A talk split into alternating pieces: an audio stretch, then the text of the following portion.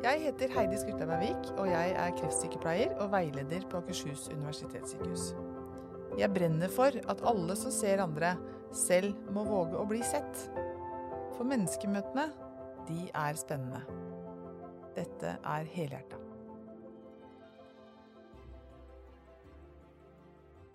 Hvordan ta vare på meg selv når jeg også skal ta vare på andre? Det er tittelen på eh, et av foredragene til eh, den veldig spennende gjesten jeg har i dag. Eh, jeg har en gjest her i dag som er psykiatrisk sykepleier. Han er amatørskuespiller, han er foredragsholder, lærer. Han er en kjent skikkelse i Vestfold. Jeg gleder meg. Han sier at han er politisk ukorrekt. Terje Lund Sandal, velkommen hit til Helhjerta. Tusen takk for at jeg fikk komme. Det er ja. veldig hyggelig. Ja, jeg gleder meg til denne timen her. Jeg tror du har mye både klokt og spennende å snakke om. Jeg har lang erfaring, i hvert fall. Ja. Du jobber på, i Sykehuset Vestfold. Mm. Hvor jobber du der? Nå jobber jeg på avdeling for uh, rusavhengighet. Uh, på langtidsbehandling ja. for rusavhengige. Det har jeg gjort et år nå. Ja. For det er vel det eneste gulvet jeg ikke har jobba på. Jeg har erfaring fra BUPA, sikkerhetspost, langtidspsykose, DPS, AAT, og da 16 år på akuttpsykiatri, to år på legevakt, fire år i hjemmesykepleien, ett år som leder på sykehjem. Herlighet. Ja, er, jeg har aldri Jeg er mann og sykepleier. Mm. Og da er jo veien til en eller annen form for lederstilling litt sånn Kort. Eh, ja, tradisjonelt sett så er det, men det passer jo ikke meg. Jeg er altfor urolig til det, og jeg liker ikke den jobben. Og jeg kan ikke, jeg kan ikke tenke meg å stå i den posisjonen og være mellomleder på et sykehus. Hva er det som driver deg, da? Um, å få til sammen med pasienten endring som pasienten i utgangspunktet ønska seg, eller som de ønska seg etter at vi har jobba litt med mål og målsetting. Mm. Det syns jeg er gøy. Ja. Få til stabilisering har jeg drevet mye med. Når du jobber med tvang i 16 år, så møter du mye motstand. De aller, aller fleste jeg har møtt i 16 år, har jo ikke lyst til å være der. Og de mener ikke de burde være der heller. Og den snuoperasjonen som vi får til som regel, mm. hvor vi forlater hverandre med et håndtrykk og ålreite følelser i forhold til hverandre, den er helt ny hver gang. Mm. Men erfaring gjør jo at du har flere veier til mål, da. Ja. Det er veldig spennende å få til. Ja. Det skjønner jeg. Men jeg, jeg tenker på eh, Sånn som psykiatrien var før, så, kunne, så, fikk man ligge Være inneliggende over lengre tid, og dere fikk lengre tid til å jobbe sammen. Eh, dere som er behandlere, miljøpersonell og pasienten. Mm. Eh, hvordan er det nå, liksom? Får man gjort like mye på kortere tid? Nei, det spørs litt hvor du er hen, da. Eh, sikkerhetsposten er jo lang tid. Mm. Da snakker vi mange, mange år på en del av de. Okay. Så, så, det er fortsatt lang tid. Eh, psykose lang tid er også, også lang tid. Da mm. holder de på til man er klar for en mer åpen form for behandling. DPS har jo ikke utgangspunktet Selv om de har et turnover-krav, så har de ikke utgangspunktet noe fastsatt tid. Mm. Men det er jo poliklinikk og hjemmebehandling og AAT som skal være den nye løsninga. Mm. Det er jo mm. kommunen du skal motta hovedbehandlinga di, så det, det er en idé om at det skal være mindre akuttplasser, som jeg selvfølgelig er imot, da. Ja. Det er typisk meg. Ja. Er ikke de fleste av dere som jobber i psykiatri, litt imot det? Eh, jo, de nedskjæringene er helt sånn håpløse. Jeg hørte Randi Rosenquist si noe som var helt fantastisk, eh, fordi at man har liksom man har forska på at jo lenger man er på psykiatrisk sykehus, jo dårligere går det med deg. Ja. Det høres i utgangspunktet ut som da bør man jo korte ned tida. Ja. Så sier hun noe som er klokt. Hun sier at hvis du gjør en studie på bilulykker, så vil du finne ut at de som klarer seg med legevakta, de går det bedre med enn de som på, uh, skal på Sunnaas. Ja. Vi legger jo ikke ned Sunnaas av den grunn. Og det er litt sånn. Det er selvfølgelig De som er der lengst, de er også sjukest. Ja. Så selvfølgelig går det noe dårligere med de. Mm. Så, så det, jeg skjønner ikke hvorfor vi er på vei den veien. Men uh, økonomi styrer jo mye av dette her. Mm. Og det er dyrt å ha folk liggende inne på sykehus. Hm. Og det er trist, syns jeg. Ja, du sa det at du har jobba med, med tvang mm. i mange år. Det har du litt meninger om? Ja, jeg har det. Jeg har noen fantastiske opplevelser fra det å hjelpe folk som ikke vil hjelpes, til at de faktisk forstår at her er det mulighet til å ta noen grep. Det er en veldig fin greie. Jeg syns vi skal ta vare på de som er så sjuke, selv om ikke de vil. Ja. jeg kan være med på å diskutere behandlingskriteriet hvor man behandler folk mot deres vilje. Bare fordi at vi syns de er for sjuke til å, å, kunne ha det sånn. Da tenker du på medisiner, eller? Ja. Eh, for så vidt ikke nødvendigvis, men det er jo, det er jo en del av behandlinga når det behandles på tvang. Det er jo Mm. medisinering, og det er jo veldig mange som får tvangsmedisineringsvedtak. Mm. Eh, fordi at det er vesentlig bedring som kreves for at behandlingskriteriet skal være oppfylt, Mm. det er så subjektivt. Er det vi som syns de har blitt vesentlig bedre? Er det pårørende som syns de har blitt vesentlig bedre? Eller syns pasienten de har blitt vesentlig bedre? Mm. Så der har vi et stykke å gå i å nyansere behandlingskriteriet noe. Men det jeg ser nå i forhold til eh, eh, samtykkekompetanse, Ja. og det å, å kunne gi samtykkekompetanse og kunne nekte behandling, eh, og da kunne dra fra sykehuset når du er ganske sjuk allikevel, altså, det Mm. er en veldig sånn flytende og dagsfersk vurdering. Mm. Og jeg tenker at det er problematisk. Jeg var på et foredrag med Tvangsreduksjonsutvalget, de som Mm. skulle lage den nye tvangsreduksjonsloven, hvor han som holder foredraget, helt tydelig sier at uh, vi setter eh, mye inn på pasientens autonomi, Mm. og lite inn på uh, fleksibiliteten for behandlerne. Det er sånn vi velger å gjøre det, rent politisk, og det syns jeg er helt horribelt når det er det som Skal styre. ja, når det er det du, du Altså det du skal bruke til å vurdere hva du skal velge her i livet, hvilke valg du skal ta, uh, hvordan du skal ha det, når det er det som er skada, Mm. så blir det for meg veldig rart at man skal legge så mye tyngde i pasientens uh, selvbestemmelse. Vi hadde en lang vei å gå.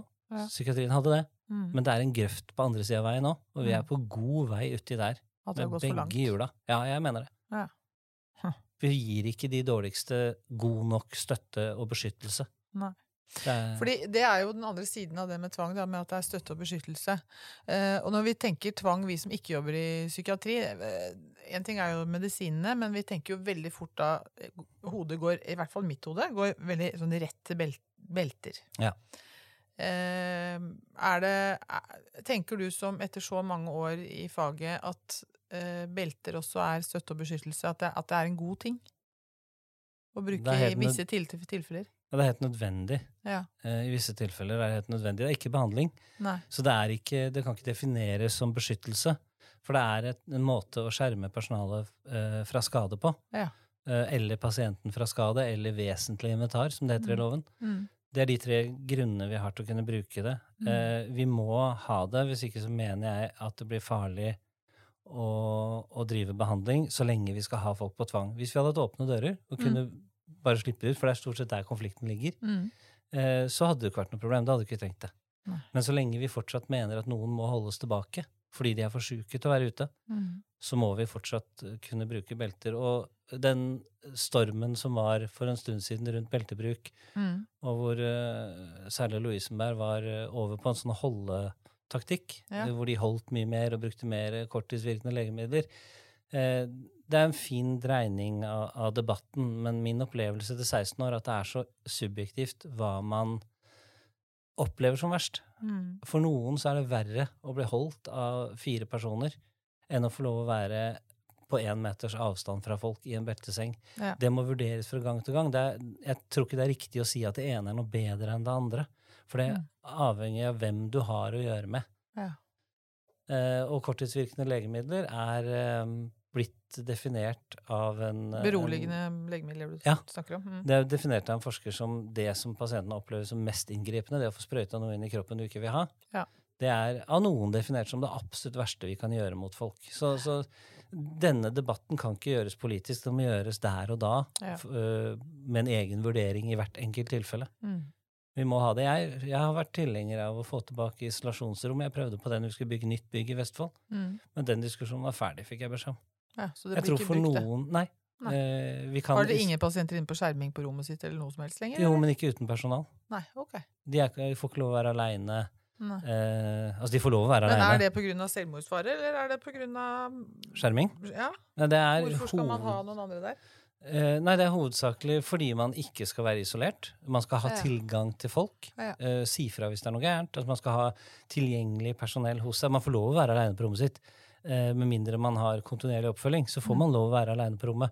Men bare når vi opplever det som trygt. Hvis du begynner å kaste rundt på møblene eller utsetter deg sjøl for skade, så må vi jo være der hele tiden. ja. Mm. Men, men du får lov å være på rommet ditt alene, men du blir aldri sperra inn på rommet ditt alene med mindre det er en akutt fare. Ja. Eh, Da kan man fortsatt isolere. Men som et alternativ til belter, så, så tenker jeg at, at et polstra rom som de bruker mange andre steder i Europa, Mm. kan være en bedre løsning for noen. Men igjen så er det ikke én løsning som funker for alle. Eh, For noen så kan det være greit å få være der og, og være i et beskytta miljø Mm. uten å ha noen tett på seg i det hele tatt. Mm.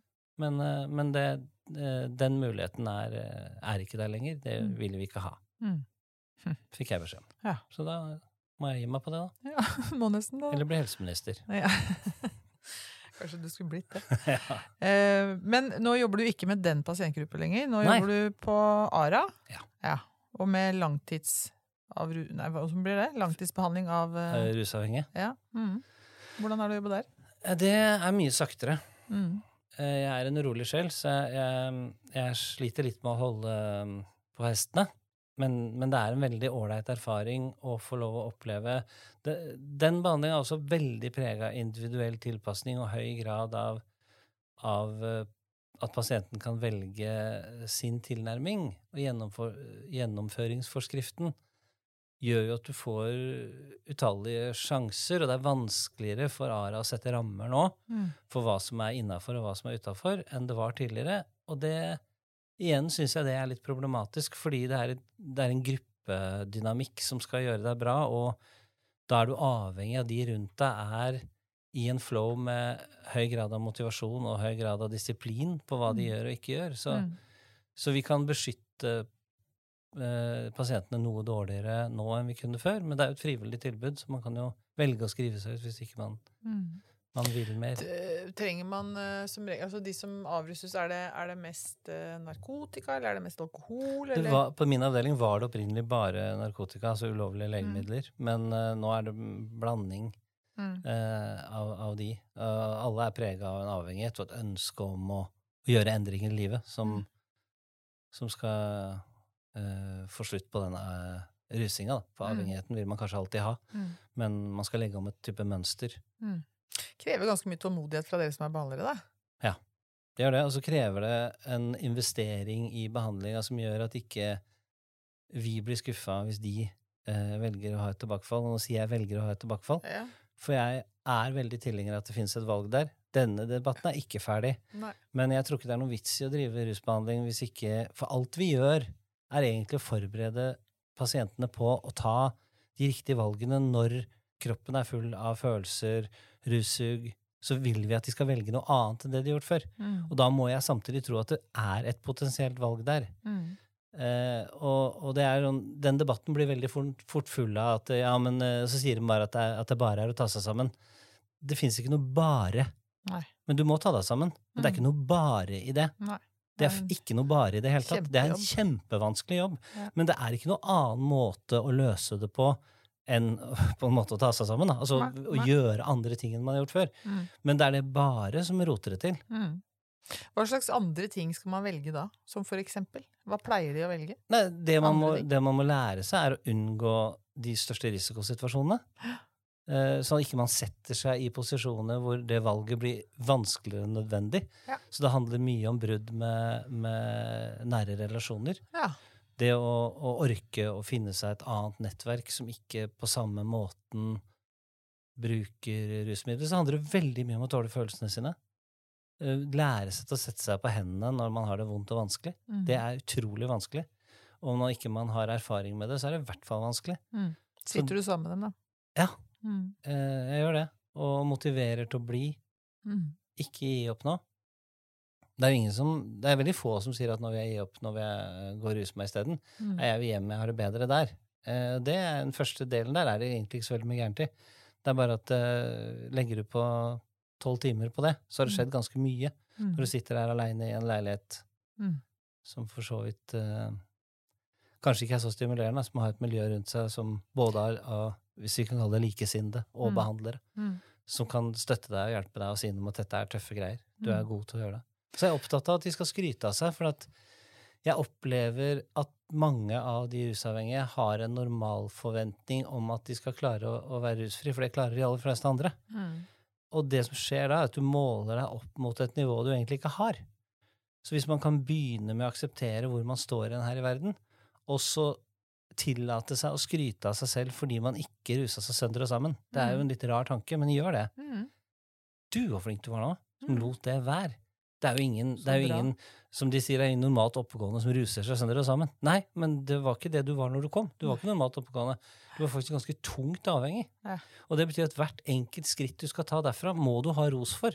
Fordi at belønninga di, den ligger jo fem år fram i tid. Ja. Hvor du lever et liv uten rus som en vesentlig del av livet ditt. Hvor du tar valgene dine ikke basert på rusmidler, men på helt andre verdier. Mm. Og det er veldig få som klarer å vente så lenge med å få belønning. Mm. Og da må du belønne deg sjøl. Du, du, må- Underveis, ja. ja, du må være villig til å skryte av deg sjøl for det som i et normalt liv kanskje ses på som små ting. da.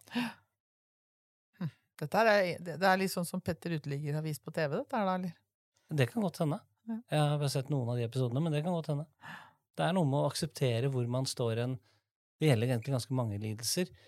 Eh, hvis man klarer å gå inn i hvordan jeg fungerer egentlig nå Jeg husker jeg jobba med en dame som var dypt deprimert. Mm. Eh, hadde hatt et inngrep, og etter det fått et, eh, et traume på da veldig, veldig dårlig funksjon Mm. etter, etter det. Og hun klarte ikke å akseptere at ikke hun kunne gå til butikken, at ikke hun kunne gjøre de vanlige tingene. Og da ble det ingenting. Da ble det bare under dyna hele tida. Mm. Jobba knallhardt over noen uker med at hun skulle klare å komme seg i dusjen. Mm. Og faktisk greie å skryte av seg selv for å ta på seg sokkene. Ja. Hun hadde Mm. så store problemer med å komme dit at det var noe å skryte av. Mm. For dette kunne hun jo før den operasjonen. Det var sykehuset som hadde ødelagt henne. Det var ikke noe gærent med den operasjonen. Det var rett og slett bare den opptreninga som hun ikke klarte å ta inn over seg. Det at hun nå hadde så dårlig funksjonsnivå. Hun klarte ikke å akseptere det. Men hun kom seg i dusjen etter hvert. Det var, veldig, det var en veldig fin selvbilde, prosess. det er selvbildet dere jobber med veldig mye med, da. Massevis. Ja. Mm. Massevis. Og, og, og den aksepten og det å bygge stein på stein. Mm. Istedenfor hele tida å bli skuffa at jeg kan ikke dusje i dag heller. Nei, det er så Mm. mange skritt fram dit, skjønner du. Mm. Det, vi må begynne med at du får på deg sokker. Mm. Og først må du få hjelp til å få på deg sokker. Du må tåle det. Mm. At du må akseptere at nå får ikke jeg på meg sokker. Jeg, jeg Mm. trenger hjelp av noen andre voksne som er 20 år yngre enn meg, til å få Mm. på meg sokker. Du snakker, du snakker med sånn passion eh, om, eh, om faget ditt, Mm. rett og slett. Jeg ser det på deg når du Nå skulle de som hører på, ha sett deg. Ja, jeg- jeg ser- er glødende opptatt av det her. Ja, du er virkelig det. Jeg er det. Ser det. Merker det på hele deg. Eh, og, jeg kjente, og jeg kjente når jeg snakka med deg i går på forhånd, at jeg blei oppglødd av å snakke med deg. Så jeg tenker, du eh, Du jobber jo med noe av det tyngste vi kan. Sånn psykisk sett så er det jo eh, er det jo en av hardcore veiene du har valgt å gå. Ja. I forhold til å jobbe med de tyngste problematikkene man Mm. har. Eh, og så og, og kanskje ut ifra det, da, så har du, så har du da eh, Holder du mye foredrag og undervisning og sånn om hvordan vi skal ta vare på oss selv når vi tar vare på andre. Eh, og det foredraget ditt, det, det går det liksom gjetord om. For der tør du å være Du tør å være litt sånn vågal og litt, litt politisk ukorrekt, som du sier, men veldig klokt, syns jeg. Ja, det er hyggelig. Hvordan, hvordan tar man vare på seg sjøl når man skal jobbe med de aller tyngste tingene? Jeg tenker det er, En ting er psykiatri, men det kan være vi som jobber med død hele tiden. Absolutt. Det kan være med store ulykker. Mm. Eh, Sunnaas, altså litt Mm. sånn. Når vi jobber mot mo mye motstand, hvordan skal vi ta vare på oss sjøl? Jeg tror eh, en av de viktigste oppdagelsene jeg har gjort, for dette er litt sånn Det begynte jo med at jeg jobba som samhandling og opplæringssykepleier, som det het, og hadde mye ansvar for studenter. Mm. Og så fikk jeg spørsmål fra høyskolen om jeg kunne holde et trekvarters innlegg for, for sykepleierstudentene i tredje klasse. En sånn siste sånn appell. Nå skal dere ut i arbeidslivet. Mm. Eh, så tenkte jeg det kan jeg jo. Og så tenkte jeg hva er det jeg vil si til de, da? Jo, jeg tror jeg vil si til de at de skal holde foten på bremsen, tenkte jeg jeg skulle si. Mm. Og det ble jo et studentene var kjempefornøyd. Jeg var ikke sikker på om alle lærerne var like fornøyd. Fordi at det er, det er et eller annet med å behandle, um, behandle dette som en jobb. Det er det første. Mm. Uh, det, er et, det går et skille mellom meg som privatperson og jobben min. Og så går det et skille mellom meg som fagperson og pasientens skjebne. Ja. Uh, og det er jeg veldig opptatt av, at vi skal gjøre et tydelig skille på det, så ikke vi blir så grepet av de skjebnene vi er en del av, at vi mister håp og tro. Mm. Fordi at uh, når man går i mye død, da, Mm. så, så skjer det noe med deg i forhold til troen på om ting går bra her i verden. Du vet på en måte på forhånd at dette pasientforløpet jeg begynner på nå, det kommer til å ende i død. Mm. Mest sannsynlig. Mm. Og det å jobbe i nedgang hele tida, Mm. det krever at ikke man blir dratt med ned. Men at man greier å holde seg der oppe. Og så er det, jeg er veldig, veldig opptatt av uh, pauser og, og uh, arbeidstid. er jeg veldig opptatt av. Fordi at det er, Vi kommer ikke dit uh, fordi vi har et kall om å redde verden. Vi kommer dit for vi skal gjøre en jobb, og vi skal gjøre en kvalifisert god jobb fra vi kommer om morgenen til vi går, og så skal vi ha pause på midten. Mm. Og når jeg snakker med disse folka om pause, så er det veldig mange som ser ned i bordet, altså. Ja, Det er, Åssen blir det med pausa? Mm. Og som jeg sier, jeg kan godt forstå at innimellom så rekker man ikke å ta pause. Men når det er innimellom man rekker å ta pause, da er det noe galt et sted. Mm. Det er ikke sånn at denne avdelinga går under i den halvtimen du har pause. Det går fint. Du må stole på at de andre som er igjen her, de gjør en grei jobb. Og så kan pasienten vente. Det Går fint. Mm. Det er ingenting som haster. Hvis du sitter igjen over arbeidstid, så heter det enten avspasering eller overtid. Mm. Det heter ikke 'jeg må bare gjøre meg ferdig med dette før jeg går'. Mm. Det er ingenting som heter. Du må ikke det, for det kommer et kveldslag, og det kommer liksom andre som skal ta over, og det, det er um, Man skal bruke seg sjøl, og man skal gi omsorg, men man skal gjøre det innenfor det tidsrommet man, man har fått betalt for det. At, eh, og det handler om å grensesette inni seg, sånn at man, man ikke blir helt grepet av det. Og så er det ikke En annen ting som jeg er veldig opptatt av, det er ikke opp til oss. Det er egentlig opp til pasienten i de aller fleste tilfeller, i hvert fall innenfor psykiatri. Mm. Vi, kan, eh, vi har ikke så mye jobb å gjøre pasienten frisk, vi har så mye jobb å legge de beste forutsetninger for at pasienten kan bli frisk. Mm. Legge til rette for det. Ja. Og så er det pasienten som tar de valgene, for dette Mm. går bra eller ikke nå innenfor rus òg. Mitt ansvar er ikke at pasienten skal holde seg rusfri. Mitt ansvar er at han skal få de beste forutsetninger for å klare det. Mm. Hvis pasienten velger å ruse seg og gå i motsatt retning og banke huet i veggen, så kan han ikke gjøre noen ting annet enn å si ok, og hvordan oppleves det? Var det vondt? Mm. Så skal vi se om vi kan jobbe videre en annen Mm. retning. Mm. Men jeg tror når du, når du forteller om det som på en måte man, gjerne, man vil jo gjerne komme dit du forteller. Mm. Ikke sant? Med at uh, man kan være på jobb, man kan drive med store omsorgsoppgaver. Uh, og allikevel være uh, ja, det jeg kaller for å være profesjonell nær. da. Mm. At jeg slipper det inntil meg, men Mm. jeg slipper det akkurat så langt og ikke lenger. For dette er ditt, det er ikke mitt. Mm. på en måte. Men jeg tror det krever litt tid da, før vi kommer dit. Ja. Eh, og det er mange som går på veggen, rett og slett. Det er mange, og det krever en bevisstgjøring. Jeg, jeg var og snakka med en avdeling på sykehuset nå i forhold til ikke ta ansvar for ting som ikke du kan styre. Ja. Du kan ikke styre hva legen forordner av medisiner. Nei. Du kan gi Det er det mange nok sykepleiere som tror de kan. Oh yes! Du kan gi dine råd, ja. eh, og du kan si noe om at dette syns jeg blir litt mye, eller Mhm. litt lite. Mm. Og når du har fått det svaret der, så må du akseptere at det er det svaret du har fått. Da har du gjort din del av det. Du har sagt fra. Ja. Og så, når pasienten da gir oss påpakt Dette handla om, eh, om pasienter med rusutfordringer i somatikk, som da ikke syns de fikk nok smertestillende. Send det dit det hører hjemme.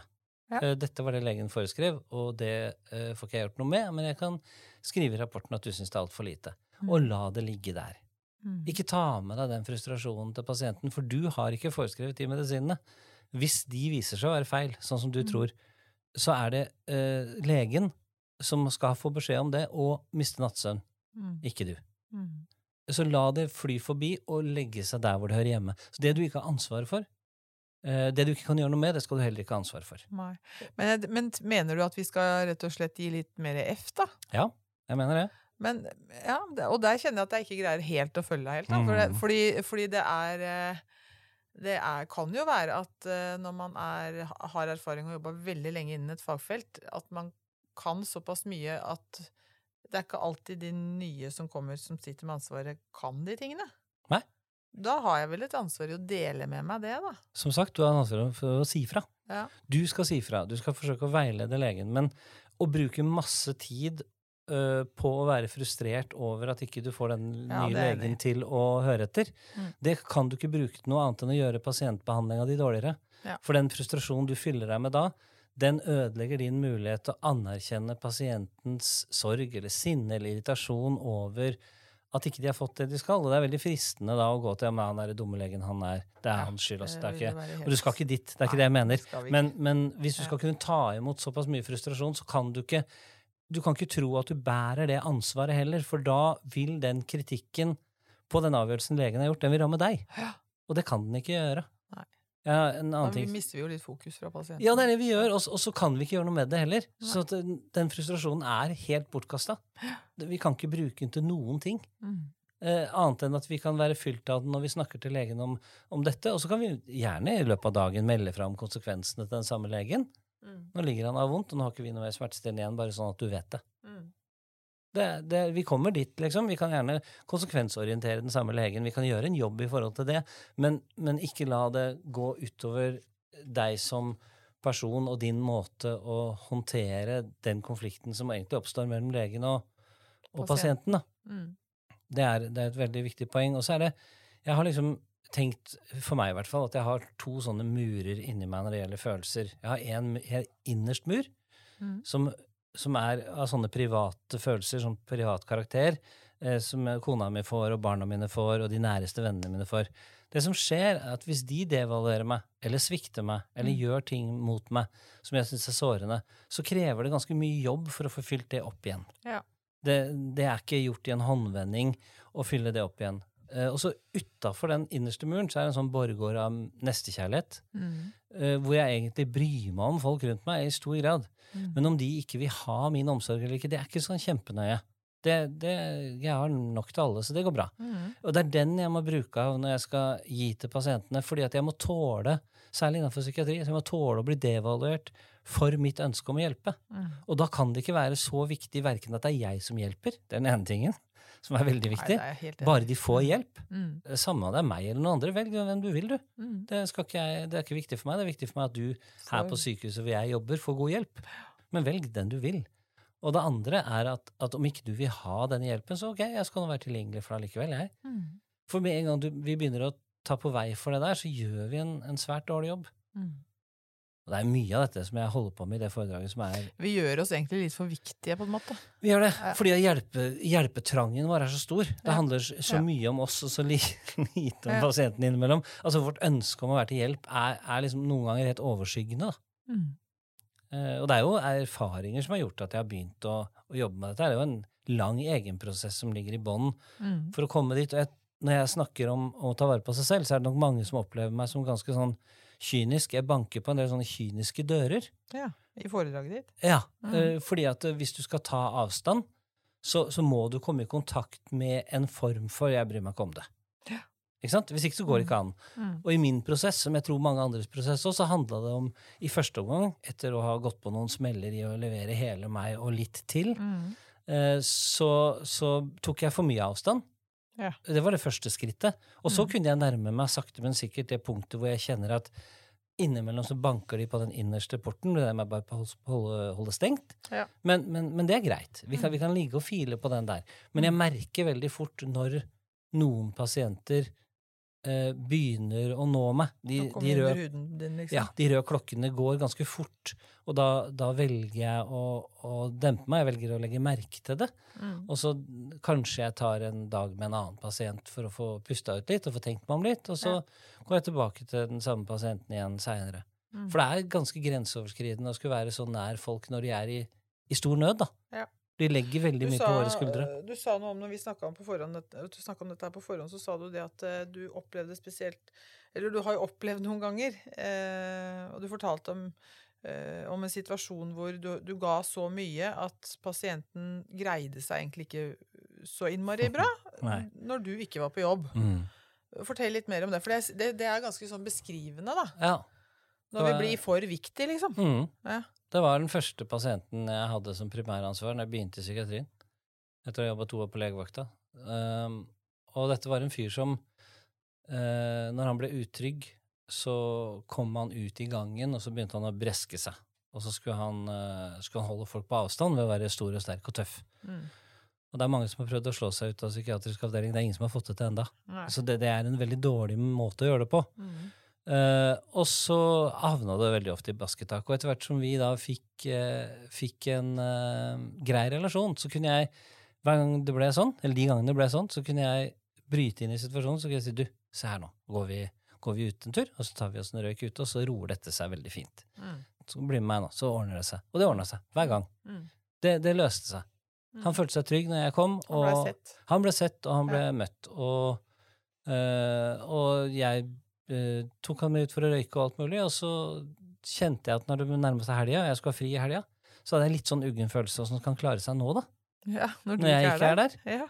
Åssen skal det gå? Og det gikk jo ikke, det. Det var jo to brukne, brukne ribbein når jeg kom tilbake på mandag. Hos han eller tilbake, hos noen andre? Eh, både hos personalet og hos han. Og det, det hadde vært eh, ordentlig basketak i helga.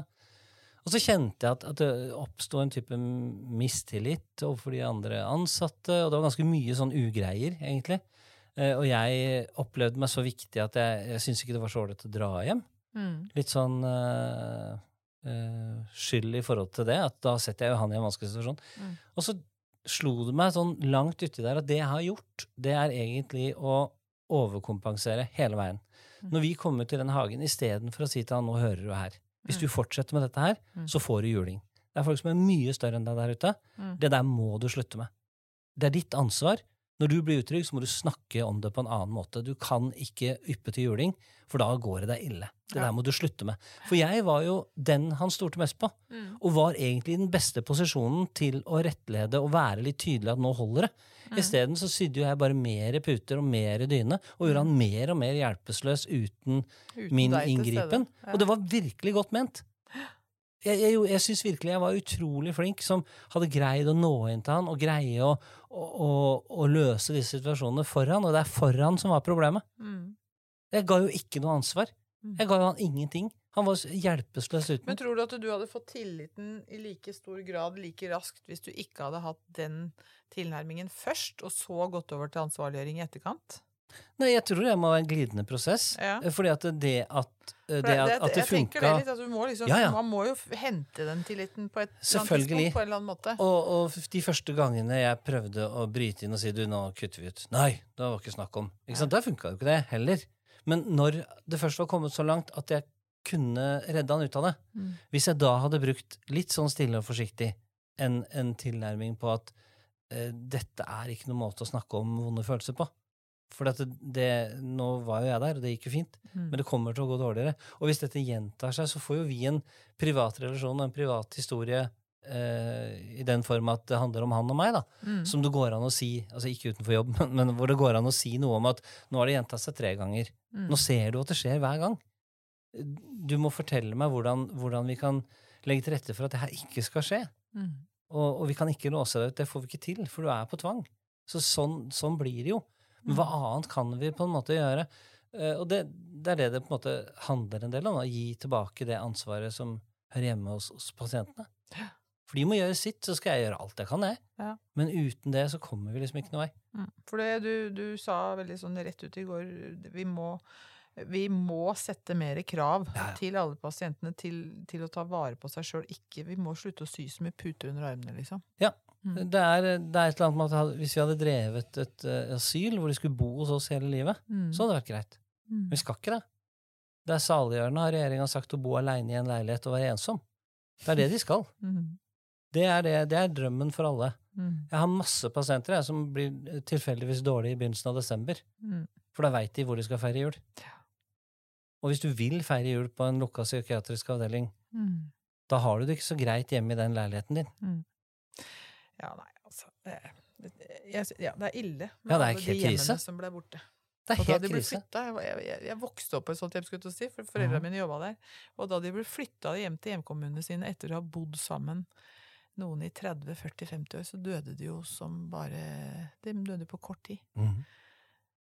Det er ikke alt som var helt riktig med den reformen der. Nei, men igjen så er liksom veien til helvete brolagt med gode intensjoner. Mm. Eh, og det var jo en god intensjon. Altså Ja, Det var mye absolutt. som foregikk på, på de lukka institusjonene som ikke var bra. Ja. Men det er grøfter på begge sider av veien. Det går fint an å kjøre på jordet i andre enden nå. Ehm, I alt dette her, da, så, uh, så sier du vi, skal ikke, vi må ikke bry oss i hjel. Nei, vi må ikke det. Vi må ikke bry oss i hjel. Og så samtidig, da, så er du Apropos det der med grøfter på begge sider, for det er ikke noen grøfter her, her er det jo store fjell. Tenker jeg både av at du bryr deg innmari mye om, mm for det, og, og at du, du har en sånn glødende Du er glødende opptatt av dette her. Mm. Ehm, midt oppi alt dette her, da, så, så, så, så tenker jeg det, det begrepet kall, som du sier, Mm. det er ikke et kall. Ja. Jeg syns det, det, det er ganske interessant å snakke om det. Mm. Når, fordi, fordi jeg kjenner på den samme gløden for faget mitt som, som du gjør. Jeg, jeg er så glødende opptatt av det. Mhm. Eh, og jeg visste helt fra jeg var liten at jeg skulle bli sykepleier i en eller annen form. Mm. Eh, og da trodde alle i min familie som, var, eh, som hadde en kristen, et kristent ståsted, at jeg hadde et kall. Ja. Hvor går grensen? Hva er et kall, og hva er det å være glødende opptatt? Hva er forskjellen? Siden, fordi du er veldig klar på at det er ikke et kall. Hva er det du legger i dette her? For det, jeg veit ikke. For meg så handler det mye om å være sykepleier når jeg er på jobb, og være privatperson når jeg er hjemme. At ikke det, Ja. eh, altså det å ta med seg jobben hjem, det er liksom en, den har vi jo hørt mange ganger. ikke sant? ja. Eh, men, eh, og jeg tar jo også med meg jobben hjem, men jeg tar med meg de derre eh, de der undringene hjem. Mm, mm. De er ikke noe farlig å ta med seg hjem. De derre åssen i all verden skal vi løse dette her, tror jeg? Som jeg kan sitte og liksom gnage på. Mm. Eh, for det syns jeg er litt artig. Det er nesten som en slags etterforskning å prøve å finne liksom, bitene som kan få dette puslespillet til, å- til å funke sånn noenlunde greit. Ja. Eh, det syns jeg er gøy å ta med meg hjem. Eh, men, men jeg kan ikke ta med meg Jeg, jeg må la de skjebnene være igjen eh, på jobben. Fordi jeg opplever at, at jeg har valgt en jobb som sykepleier, og den, det er en deltidsdel av meg. Ja. Det, det, er ikke, det, det er ikke all min funksjon. Nei, det er så riktig. Altså. All min funksjon eh, handler egentlig om å være privatperson, og så skal jeg tjene til livets opphold. Og istedenfor å dyrke min egen mat, eh, så har jeg valgt å være sykepleier på et psykiatrisk sykehus og hjelpe folk. Og det får jeg lønn for, så jeg kan kjøpe min egen mat isteden. Mm. Det er liksom sånn det, det henger sammen. At dette er bare en jobb. Jeg kunne like godt vært bilmekaniker og sikkert vært glødende opptatt av det òg. Mm. Men det handler om å, å være nitidig nysgjerrig på hvordan jeg hele tida kan gjøre en bedre jobb Mm. eh, mens jeg er på jobben. Mm. Og det kan jeg godt bruke litt tid på hjemme. det gjør ikke noe. Men jeg kan ikke ta med disse skjebnene hjem, fordi at vi kommer ikke til å Her redde skiller alle. du det at du tar ikke med deg emosjonene hjem, men Ja. du kan ta med deg det kognitive hjem. Det er riktig. Ja. Okay. For vi kommer ikke til å redde alle. Nei. Vi har et, ufu, u, et ufullstendig sykehussystem som fungerer ganske ræva til tider. Mm. Eh, Det er ikke min skyld. Eh, Hvis noen skal miste nattsøvnen, så blir det noen der oppe. Eh, I et eller annet helseforetak eller en direktør. eller et eller annet sånt. Det skal ikke være meg, for jeg har ikke bestemt hvor mange vi skal skal være på jobb. Jeg må akseptere det jeg har fått utdelt. Og det kan hende at pasienten blir misfornøyd med det, men det er ikke min, min, mitt ansvar, det. Jeg kan ikke ta ansvar for det. Jeg kan si at "Nei, sånn er det, vi er ikke flere i dag, men jeg skal hjelpe deg når jeg får tid etterpå. Mm. Og det må jeg gjøre med en form for ro. Hvis jeg kjenner på det ansvaret hele tida og går og bekymrer meg for åssen det går med pasientene når andre vaktlag har tatt over, så, så blir dette en kontinuerlig greie. Mm. På Ullevål så har de disse stjerneblokkene hvor sykepleierne bodde i tidligere for å ha til, kort tilgang til jobben. Ja. Oversøster kom ned å, i nattskjorta for å sjekke neglene på alle sykepleierne om morgenen. Jeg tror ikke hun hadde noe arbeidstid. jeg. Jeg tror, jeg tror det var hennes kall. Livsstil. Ja, Og Nei. sånn er det ikke. Sånn er det ikke for politi eller prest heller lenger. Nei. Det er en jobb. Mm. Og på lik linje med en virksomhetsstadion, vi skal ikke gjøre oss så utrolig eh, store. Det er en helt vanlig jobb. Det, det tenker jeg er superviktig, det du sier nå. Ja, jeg For med en det. gang du blir kald, så blir det liksom så svært, både ansvaret og, Ja. og eh, det personlige ansvaret. Og, nei, det, det her er veldig riktig gode ord, altså. Ja, for det er jo ikke mitt problem hvis pasientene velger noe annet enn det jeg syns er fornuftig. Nei. Det er bare en ny utfordring. Mm. Ok, Så ser vi åssen vi kommer oss rundt det, da. Mm. Det er litt sånn. Mm. Hva som er viktig og riktig for dem. Ja, det er akkurat det. Og hvor vil du hen? Mm. Jeg kan jo ikke bestemme hvor du vil hen. Jeg, jeg tenker jo at uh, hvis man kan være en samfunnsnyttig borger, så er det bra. Mm. Men, men samfunnet vårt er lagt opp til at det trenger du ikke nødvendigvis å bli. Så hvis du får til noen av de tingene du vil selv, så får det på en måte være, Mm. være greit. Da så har vi nådd et mål som du, som du ønsker deg. Mm. Og, det, og det er litt sånn i, i, når du jobber med tvang òg, at, at um, du må være tydelig med, med pasienten hva som forventes for at den tvangen kan oppheve. Mm. Og det blir det mye bråk av. For da må du snakke om diagnose, du må snakke om atferd, du må snakke om ganske mye. Mm. Og det ser jeg mange ikke gjør. Men hvordan skal da pasienten vite hva som forventes av de? Mm. Det er jo ikke umulig, det. Vi må tørre å være helt ærlige og åpne. Dette er det som forventes av deg. Ja. Denne tvangen er ikke endelig. Det er Mm. rett og slett bare eh, Det er bare sånn det er nå. Mm. Og når disse tingene er på plass, så trenger vi ikke det mer.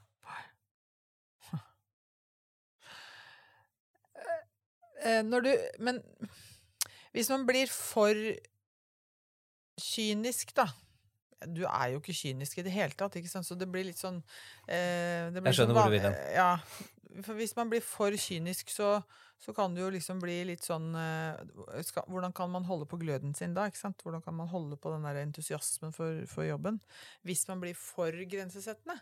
Jeg kan si noe om det. Um, eh, jeg holdt et foredrag for fengselsbetjenter på et annet, eh, en annen kant av landet om det her. Mm. Eh, hvordan ta vare på seg selv når man tar vare på andre. Eh, veldig mange, særlig av de damene som jobba der, de var veldig på lag med meg når jeg Mm. snakka om disse tingene. Unge innsatte som ikke forsto fengselssystemet, ikke greide å navigere i det. Var ganske hjelpeløse innesperra, egentlig. Mm. Eh, så de skjønte det veldig godt. Og så er det en eh, fyr som har jobba der siden ja, sikkert andre verdenskrig, eller noe sånt, Mm. eh, som på en måte midt i foredraget bryter av og så sier du, jeg skjønner ikke jeg skjønner ikke hva det er du holder på med. De har gjort noe kriminelt, og de skal sone til de er ferdig. Hva er greia, liksom? Mm. Sier han. Han var ordentlig sånn brautende, brannende fyr. Eh, og så sier jeg, vet du hva, det her skjønner jeg veldig godt. Du hadde egentlig ikke trengt å være her, for du kan gå veldig godt ta vare på deg selv. Du klarer det kjempefint. Men i neste uke så skal jeg ha et annet foredrag. Det heter Hvordan bry deg ordentlig om andre. Da kan du komme igjen. Mm. Og da lo han, for han hadde selvinnsikt nok til å skjønne det. Ja. Men det er problemet når du holder disse foredragene, at du vil også treffe de som får mer fòr til å virkelig ikke bry seg. Ja. Men de er det så få av. Ja. For du velger å bli sykepleier av en grunn. ikke sant? Og det handler om et ønske om å hjelpe, og de aller aller, aller fleste trenger bremsepedal. Selvfølgelig så er det noen som allerede har håndbrekket på, og de har ikke godt av å høre mer av det. Mm. Men, men eh, for oss andre så er det ganske ufarlig å, å utfordre den kynismen litt. I hvert fall med tanken på at hvis ikke jeg kan gjøre noe med det, Mm. så behøver jeg ikke å, å, å bekymre meg så mye for det heller. Mm. Bruk energien din på det du kan gjøre noe med. Mm. Det er, eh, det er på en måte en, en Oppskriften litt. Ja, egentlig. Mm. Bruk energien der du det du kan gjøre noe med. Alle disse tingene i det ytre systemet som kolliderer med det du ønsker deg, det må du akseptere. Og så må du jobbe innafor de rammene du har fått utdelt. Og tenke at så, enn så lenge så går dette i pluss. Jeg har lyst til å jobbe her. Jeg syns jeg får gjort en god jobb til tider, og jeg tror det er bedre at jeg er her enn enn noe annet sted, og da fortsetter jeg. Mm. Da, da tenker jeg da går det i pluss. Og hvis ikke jeg vil det mer, så må jeg få meg en annen jobb. Da må jeg gjøre noe annet. Men det er, det er liksom den eh, bremsesiden av å ta vare på seg sjøl. Mm. Men jeg tenker også de som Når man begynner å bli eh, Når man begynner å bli eh, ja, Når man jobber med my, i mye motstand, Mm. så blir man litt sånn Kan man kjenne på at man eh, kan bli litt sliten. Mm. Man blir litt lei, og det er liksom ja, motstand, motstand, motstand. Ja. Eh, hvordan skal man ta vare på seg selv eh, og gløden sin da? Det er to ting. Det ene er at man skal ikke være redd for at man er lei pasienter. Nei. Det skal man akseptere at det er man til tider, og det er greit. Ja. Det gjør ikke noe. Nei. Eh, Så lenge ikke det går utover pasienten. nei, men, altså, men det gjør det ikke hvis du aksepterer at sånn er det akkurat nå, og så prøver å finne ut av hva du kan gjøre noe med. Jeg har, eh, har sagt til folk at du må ha noen du kan snakke til, ikke med. Ja. Du må ha noen du kan snakke til. Eh, du kan bruke en hund, funker kjempefint. De sitter bare og ser på deg. Mm. Fordi at greia er å få tømt det begeret som fyller seg opp. For at det heter på fint at det fins ikke vanskelige pasienter, det fins bare pasienter som har det vanskelig, og det er selvfølgelig bare tull. Det fins masse vanskelige pasienter Ja. som er så råtne og oppfører seg så dårlig. Ja. Og det skal vi tåle. Men da må vi ha et sted å ventilere ut det. Ja. Så enten så har man en kollega hvor man sier du, nå er det litt sånn møkkasjau på gang. Kan jeg bare få snakke med deg i to minutter? For det som er veldig dumt, er å ta den inn på vaktrommet, så du ødelegger på en måte stemninga for alle. Ja, Men på. Tomannshånd. Mm. Tømme ut alt det fæle, vonde, ekle, dumme du kan si om denne pasienten fordi det irriterer deg til de grader, sånn at du har det overskuddet du trenger. Men da må du tørre å akseptere at du kjenner på antipati. Og det er helt greit. Mm. Noen mennesker oppfører seg på en måte som antipati er en helt naturlig reaksjon. Ja. Og det skal vi bare tåle. Ja. Og så skal vi tømme ut det. Jeg har jo en kone som sjøl jobber i helsevesenet, så vi har øvd på det. Å ta imot den andres frustrasjon uten å komme med de irriterende, gode rådene. For de kommer ikke da, de kommer seinere. Det er, så viktig å få lov til å tømme seg Ja, ja. uten at noen avbryter deg Ja. og har så masse kommentarer. Ja, det. Har du tenkt på at du kan gjøre. Ti stille med deg. Ikke nå.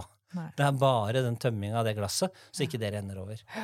Og akseptere at, eh, at vi er ikke fullstendige. Vi, vi får til mye bra med noen, og så får vi til mye dårlig med andre. Men vi gjør så godt vi kan, og det er helt greit. Og det også tror jeg er en bøyg for mange å komme over, for de skal helst være på, på topp med alle hele tida. Ja. Og det går ikke. Og så skal de bli likt av alle. Det er greit at du misliker meg, det gjør ingenting. Har du alltid syntes det? At det er greit Nei. at noen misliker Å deg? nei. Nei. Jeg begynte ikke der. Det er, det er en det er en tvungen aksept etter mange år med, med opplevelser av at noen mennesker bare liker ikke meg. Mm. Og det må jeg bare tåle. Mm. Jeg hadde en forferdelig opplevelse rundt det, hvor jeg eh, var eh, på skjerming med en pasient som alle andre likte. Mm. Og som alle andre, opplevde jeg, da, hadde en veldig sånn god relasjon til, og spøka med og hadde det veldig gøy med, og han bare mi- mislikte meg så til de grader. Så satt jeg der og prøvde liksom å gjøre meg lekker. Det var det første feilen jeg gjorde. Eh, og liksom prøvde å være vennlig og prøvde å legge på mer vennlighet. Det er det motsatte av aksept. Og til slutt så gikk jeg så langt. Han eh, hadde sånn røyking en gang i timen-avtale. Og så tenkte jeg nå skal jeg, skal jeg gi han en snus, for det blir sikkert bedre. Så jeg tilbyr han en snus. Jeg, Det der har ikke du lov til, din idiot. Og så gikk han bare. Du strekker deg på en måte bare så langt du kan, og så får du bare enda mer avvisning. Ja. Det var et stygt fall. Ja. Før jeg til slutt tenkte at vet du hva, dette her, her gjør jeg nå bare verre. Ja. Nå må jeg bare akseptere at jeg er mislikt, og så får jeg lage minst mulig bølger i det vannet her. Fant du ut hvorfor han likte deg, eller var, var ikke det interessant, da? Nei, jeg tror det var til, mer eller mindre tilfeldig, og så mislikte han meg nok fordi jeg begynte å, å smiske med han. Ja. Det var nok det verste jeg kunne gjort, egentlig. Mm. Men det var jo min naturlige reaksjon, ganske ny, og, og, og prøvde liksom å bli likt av alle, da. Det var jo sånn jeg Ja. gjorde. Tror tror det er helt naturlig for alle Ja, mennesker. og den beste måten å gjøre det på hadde vært hvis jeg hadde bare akseptert at han ikke likte meg, Mm. og så vært minst mulig i veien og irriterende og bare gjort jobben min. Mm. Da kan det godt hende han etter hvert hadde opplevd meg som både ganske stabil og forutsigbar og lett å, å ha med å gjøre. Mm. Det hadde nok vært den beste muligheten for at han, vi igjen kunne ha et ålreit samarbeid. Men om han hadde reist derfra og fortsatt mislikt meg, så gjør ikke det noe. Det er greit, det. Mm. Han, det var jo mange andre som likte han. Han fikk jo kjempegod hjelp av andre. Mm. Og da kunne jeg si til han at jeg skal være her annenhver time. Jeg vil ikke at du skal være her i det hele tatt. Nei, det skjønner jeg. Mm. Nå er ikke jeg som bestemmer det, så sånn blir det dessverre. Men, eh, men du får tåle det. Men du trenger ikke være sammen med meg. Du kan være inne på rommet ditt, og så skal jeg si fra når den andre vakta kommer. Ja. Det hadde vært den beste måten å gjøre det på. Men jeg var jo ikke stor nok til det. Jeg prøvde jo å bli likt, jeg. Selvfølgelig, det er jo helt naturlig. Det er det. Så er det en annen eh, situasjon, når vi først er inne på det med å ta vare på seg sjøl. Og det er jo, det møter vi jo Dere møter det aller mest, dere som jobber i psykiatrien. Men, eh, men vi møter det i somatikken også. Jeg tenker vi møter det egentlig i privatlivet vårt òg. Og det er når noen forsøker å Eller driver med splitting. Ja. Eh, når de prøver å sette oss opp mot hverandre. Når vi Mm. møter mennesker. Jeg tenker vi kan møte det vel så mye gjerne i privatlivet vårt. ja. Eh, når vi har en, så, har en så erfaren, glødende opptatt psykiatrisk sykepleier her, så syns jeg vi skal få noen gode råd om det. Hva, hvordan skal vi møte det? Ja, det er to veier. Enten så er det jo da mislikt, eller så er du likt. Ja. Det, det er liksom de to veiene å gå. Og dette er jo mennesker som har eh, Det første jeg prøver å tenke på, er at dette er mennesker som har behov for å få kontroll på sine omgivelser, for det er så vanskelig inni de. Ja. At de trenger å ha folk i to kategorier. Mm. Enten bra eller dårlig. Ja. Det derre Jeg vet ikke hva jeg syns om han, det får vi se an. Det Mm. fins ikke der. Så, så i utgangspunktet så er det et avvik som gjør at Eller en vanskelig følelse, da, som gjør at det må være sånn. Og så tenker jeg, som, uh, som mislikt, så er det litt av det samme som jeg akkurat snakka om. Mm. Uh, gjør minst mulig uh, trøbbel. Gjør jobben din, og, og aksepter at du blir mislikt. Og hold deg unna. Ja. Ja. Og det andre, det er når du blir likt. Den er kanskje verre. Ja. Når du blir likt, så må du passe på at du skjøter den rollen på en ålreit måte. Fordi det letteste for deg, kortsiktig, det er å forsterke det. Det er å gjøre litt ekstra, sånn at du fortsetter å ha disse englevingene og denne glorien, og at dette blir veldig lette dager. Mm. Men det er veldig vanskelig for arbeidsmiljøet hvis du gjør det sånn. Ja. Så hvis du greier å være den da som konfronterer, klarer kanskje å bygge bro med de eh, personalet som vedkommende ikke liker, typ, vet du hva, jeg kjenner ikke igjen den beskrivelsen din. Jeg syns Heidi er kjempeålreit. Kanskje vi skulle prøve å snakke sammen alle tre? Mm. For jeg veit at Heidi ikke har noe imot deg. Jeg hører du sier at hun misliker deg, men det, er, det vet jeg at ikke stemmer. Mm. Fordi at som, som uh, likt med englevinger, så har man også ubegrensa troverdighet hos denne gruppa. ikke sant? Ja, ja. Uh, Og da kan det hende man ender opp med å bli mislikt hvis man gjør det der for mye. Men det gjør jo ikke noe. Det må man bare tåle. Men det er viktig for de som blir best likt, at de er villige til å sette den, den posisjonen på prøve. Fordi pasienten For å få den som er mislikt, inn. Ja, og for at pasienten skal få øvelse i å kunne endre mening. Ja. Det er en kjempeviktig egenskap når du skal motta helsehjelp kanskje i mange år. At du kan tåle et godt knippe med folk. Hvis ikke så blir du så avhengig av fordi at med englevinger så er veien til den andre historien min veldig veldig kort. At du Mm. blir egentlig bærende på veldig mange av pasientens utfordringer. Mm. eh, Som pasienten da For de mister jo deg snart. Ja. Og står da hjelpeløse tilbake.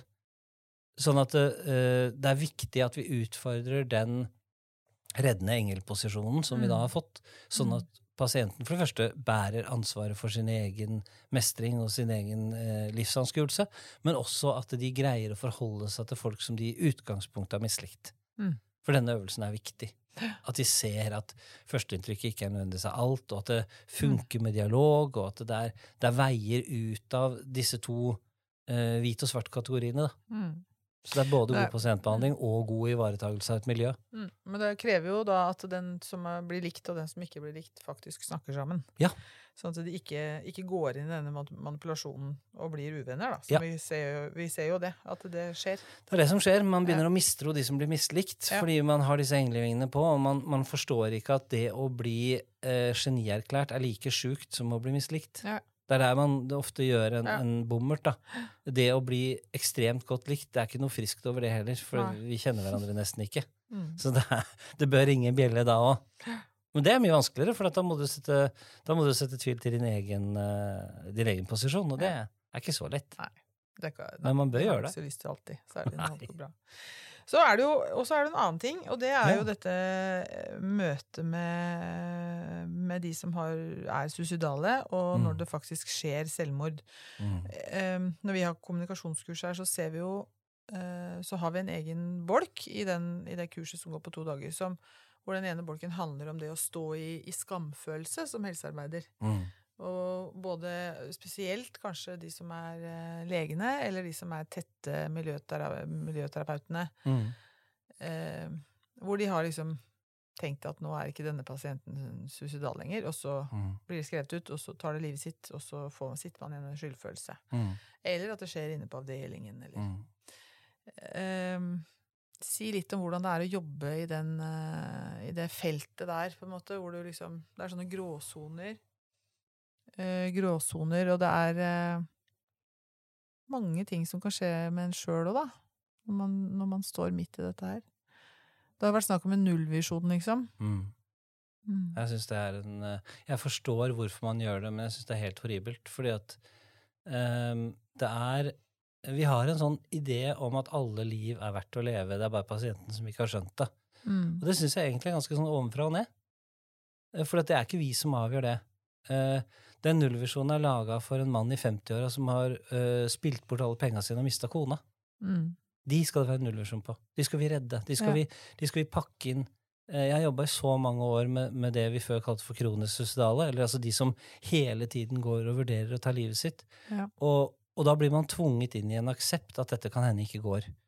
Og da er det, da er det sånn, det er, en- det er en litt sånn stilltiende diskusjon, for det kan vi ikke si helt høyt, for vi har jo denne nullvisjonen, ikke sant? Men, Vi må bare forklare at nullvisjon betyr ingen selvmord. ja, Verken i avdeling eller de første tre månedene etter innleggelse. Ja. Og dette er jo, igjen, vi skal ikke ha ansvaret for noe vi ikke kan styre. Hvis vi har noe tiltro til at pasienten skal få styre sitt eget liv, Mm. så er dette et helt umulig prosjekt. Vår oppgave er ikke å hindre at noen tar livet sitt, vår oppgave er å gjøre gode vurderinger Mm. så godt vi kan. Ja, for det er jo ikke sånn at alle skal reddes, eller? Går det an å si det? Alle skal ikke tvinges til å leve livet sitt, mener jeg. Ja. De som vil reddes, skal reddes. Men vi kan ikke hindre folk Det har jeg sagt til flere pasienter òg. Vi kan ikke stoppe deg fra å ta livet ditt, men du får ikke gjort det her mens vi passer på deg hele tida nå. Nei. Så dette kan du slutte å prøve på. Vi kommer til å passe på deg hele tida nå mens du er her. Mm. Vi kan ikke bestemme at du skal leve livet ditt, men vi tenker at eh, det fins grunner til å leve et liv, men det må Mm. være din avgjørelse. Mm. Det, det må ligge i bånn der et Mm. eller annet sted, for det er liv som er så forferdelig sett fra utsida Mm. at jeg kan forstå at dette orker jeg bare ikke mer. Ja, var ikke det jeg tenkte jeg skulle spørre deg om. Om du har vært i situasjoner hvor du Vært i møter da, med pasienter hvor du har liksom tenkt at dette livet kan jeg forstå at han gjerne vil være ferdig med? Mm. Jeg har en sånn historie, egentlig, hvor eh, jeg var ansvarsvakt, og vi hadde en oppfølging på ti minutter. Mm. Vedkommende var i dusjen.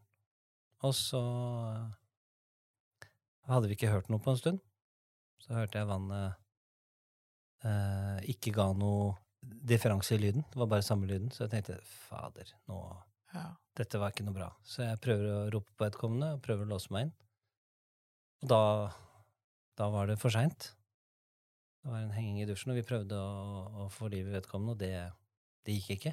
Mm. Eh, Full hjerte- og lungeredning, og akuttime kom, og alt var Alt var forsøkt. Og um, det var en pasient som jeg kjente veldig godt, som jeg hadde sittet og spilt mye gitar sammen med, og det var særlig én sang eh, Mm. som heter Det siste havet, som jeg spilte for han eh, Mm. flere ganger, og han, han gråt hver gang. Han klarte ikke å si så mye om det, veldig, veldig sjuk fyr. Mm. Han hadde vært på rømmen, blitt tatt i et annet land. Uh, og jeg tror det var liksom den siste erkjennelsen at det var han det var noe gærent med. Når han i et helt fremmed system ble plukka opp på gata fordi han var så avvikende. Ja. Og på vei til ny langtidsbehandling og tenkte at uh, nå, nå orker jeg ikke mer. Nei. Dette var det stedet han tror jeg følte seg tryggest, Mm. med de menneskene han kanskje følte seg tryggest på rundt seg. Mm. Og han valgte å, å avslutte livet der. Og eh, jeg var en del av en sånn lang utredning, konsekvensutredning, hvor jeg satt i to timer og snakka med to psykologer jeg aldri hadde sett før. Ja. Som skulle liksom, De skulle prøve å, å intervjue meg litt ivaretagende, men også prøve å finne ut av hvor, hvordan kunne dette skje. Mm. Jeg brukte 1 time og 30 minutter på å forklare hvorfor denne mannen antagelig ikke orka mer. Mm. Og det var sånn, derfor kunne det skje. Mm. Eh, det det endte med, var en rapport som var helt fri for det, det perspektivet. Ja. Og vi endte med å få nye dusjer og plating i taket på røykebalkongen, så ikke dette skulle skje igjen. Ja. Da har vi bomma på noe veldig, veldig viktig, tenker jeg. Ja. Da er vi på, så på bærtur. Vi er så opptatt av å dekke ryggen vår, og så lite opptatt av de skjebnene vi jobber med, at uh, jeg, ble, jeg ble så skuffa Mm. over både systemet og, og hele tankegangen rundt det. Nå, nå Mm. ville han virkelig ikke mer. Nei. Vært sjuk i 30 år. Mm. Alvorlig sjuk. Handler ikke det også om en slags respekt for hva som er viktig for andre mennesker? Jo, jeg syns det. Nei, og det tenker jeg er eh, viktig, da. Å tenke at det er, eh, det er noen som bare ikke vil mer. Mm. Men det er sikkert ikke bare bare å leve med som, som hjelper. fordi at eh, når man Jeg vet om mange hjelpere der ute som har vært med på at enten at pasientene tar livet av seg rett etter utskrivning, eller underveis. Og som sliter litt med skyldfølelse, skamfølelse. 'Jeg så det ikke, jeg var ikke der'. Eh, hvordan tar dere vare på hverandre i sånne situasjoner? Det første er jo at man får snakke om det. Eh, og så er det litt tilbake til det at, at vi, må, vi må prøve å finne ut av hva som er vår jobb, og hva vi, hva vi kan gjøre noe med. Vi skal være etterrettelige og skikkelige på at vi gjør de vurderingene vi gjør, grundig. Mm. Det er greit, og det, det skal vi gjøre. Så skal vi dokumentere hva vi har vurdert. Og mer enn det kan vi jo ikke gjøre. Mm. Eh, Det utfallet er jo ikke vi som styrer. Uh, og det er jo viktig at man ikke leverer fra seg Jo, men dette kunne du jo ikke gjøre noe med. Det er jo ikke en sånn type samtale. Det er jo en aksept av at det er et ufullstendig system, og vår jobb er å gjøre gode vurderinger. Mm. Og hvis vi har gjort gode vurderinger, så har vi egentlig gjort jobben vår. Nullvisjonen er fin nok, den, men, men, men vi kan ikke gjøre annet enn å forsøke å vurdere selvmordsfare. Og hvis vi tenker på det tidspunktet at det er greit, så må vi akseptere at det kan være resultatet, Mm. rett og slett. Uten å kjenne på skyldfølelse. Ja, fordi at det var ikke vi som tok livet av vedkommende. Det var vedkommende selv. Ja. Og vi skulle prøve å vurdere så godt vi kunne. Og det gjør vi alltid. Vi gjør jo så gode vurderinger vi kan. Mm. Og, og det er det vi har blitt bedt om. Vi har ikke blitt bedt om uh, en sikker uh, fremtidsanalyse, for det kan vi ikke gi. Nei. Og den aksepten av den ufullstendigheten Mm. tror jeg på en måte er noe av det, det viktige vi kan dra med oss videre. Mm. Du er klok, altså. Takk. Jeg tenker, eh, Du jobber jo også mye med det å snakke om de vanskelige temaene. Mm. Eh, Der er vi helt på, på samme bane. Eh, bare fra forskjell, for forskjellig verden, skal jeg til å si. Eh, jeg tenker jo at noe av det viktigste med å snakke om de vanskelige temaene, det er å stille seg åpen for hva som kommer. Ikke dømme eh, den andre, Mm. eh, med blikk og med væremåte og alt. Mm. Men så er det jo det aller, aller viktigste, og det er jo det å lytte. Ja. Kan ikke du si litt om hvor viktig, eller hva du tenker om det med å lytte? Jo. Vi har jo, når vi jobber som sykepleiere, har vi alltid en agenda. Ja. Det er noe vi vil. Og vi har lært hvordan vi skal gjøre ting, og vi har liksom en egen plan. Eh, men mye viktigere enn det er jo å høre hva, hvordan pasienten ser det, og akseptere at de målene pasienten har, kanskje ikke sammenfaller med det vi syns de skulle hatt. Men det er ikke så veldig viktig hva vi syns vi skulle hatt. Så det å la folk få snakke ut og bruke mer tid på å spørre opp igjen, bekrefte, spørre om vi har forstått det riktig, spørre om flere nyanser, det gir pasienten en opplevelse av å bli anerkjent, og det er kanskje noe av det viktigste pasienten kan oppleve, at vi har forstått hvordan de har det. Hvis vi da skulle komme til en uenighet en eller annen gang, så vet i hvert fall pasienten i bånn at vi har skjønt hvordan de har det, så langt det strekker seg. Mm. For vi, har jo ikke vært, vi er jo ikke pasienten, men, men jo mer vi bruker tid på å lytte Vi har to ører og én munn av en grunn. Ja. Det er ikke motsatt. Nei. Vi skal lytte dobbelt så mye som vi prater. Og bare det å, å Når man lytter, at man er lytter så lenge at man rett og slett holder kjeft. Mm. Ikke kommer med motargumenter. Det er nå én ting, men ofte så bekrefter vi det den andre sier også, med egne historier og litt Mm. sånn. Og det kan vi gjøre på jobb òg. Ja. Og det er jo den største misforståelsen. Av Ja. hvem, det er ikke empati. Nei, det er ikke det. Nei. Hvem er det vi forteller de historiene for? Det kan være på sin plass å fortelle lignende eh, historier, men det er liksom i Helt slutten kort, av samtalen, og helt kort. Det er liksom eh, for, for, for å understreke at man, man, man er noe i samme båt, da. Ja. Men, men det er så sjelden i forhold til hvor ofte det blir gjort. Ja. Så jeg er helt enig med deg. Det blir, det blir veldig fort det at vi, at vi overtar samtalen igjen med vår agenda. Det at vi kan tørre å være i en ikke-vitende holdning, at, at pasienten sitter på en historie vi ikke kjenner, og et perspektiv vi ikke kjenner, Ja. det er utrolig viktig. Så tenker jeg det er noe med det med dialogen, da, om det er med pasienter eller med hverandre ellers her i livet, så, så tenker jeg det der med ordet Altså tank, tankens kraft, det snakker man jo mye om, ikke sant? Og det er jo viktig, det. Med å ha, ha, prøve å hjelpe seg sjøl og fòre seg sjøl med noen gode, positive tanker. Men det er noe med Når vi har en mening da, i hodet, så blir den ikke helt sånn når du eh, når du setter ord på det, sånn som Ole Brumm sier. ikke sant? Det hørtes så klokt ut inni hodet, men det ble ikke så immaklokt klokt når det kom ut. liksom. Så, så er det jo noe med at dialogen Eller det, det vi mener, det, det blir jo til når, når vi har satt ord på det. Eh, og, og det er det som jeg tenker er litt sånn dialog, da. Eh, er du med meg? Ja, veldig. Ja. Eh, og, og, når vi, og i forhold til det, så, så vil jeg jo trekke inn det du driver med når du har fri, egentlig. Ja, du driver med amatør- eller sånn improteater. det gjør jeg. Og der er det vel litt sånn at du både lytter, og at dialogen blir til mens man går. Så absolutt. Jeg er med i Improtårnet, som er en improgruppe fra Tønsberg. Ja. Og vi driver jo improvisert teater. Det betyr jo at vi lager det der og da. Og det som er gøy med improteater, er at du samarbeider med noen andre uten et manus. Og sånn sett så ligner det jo litt.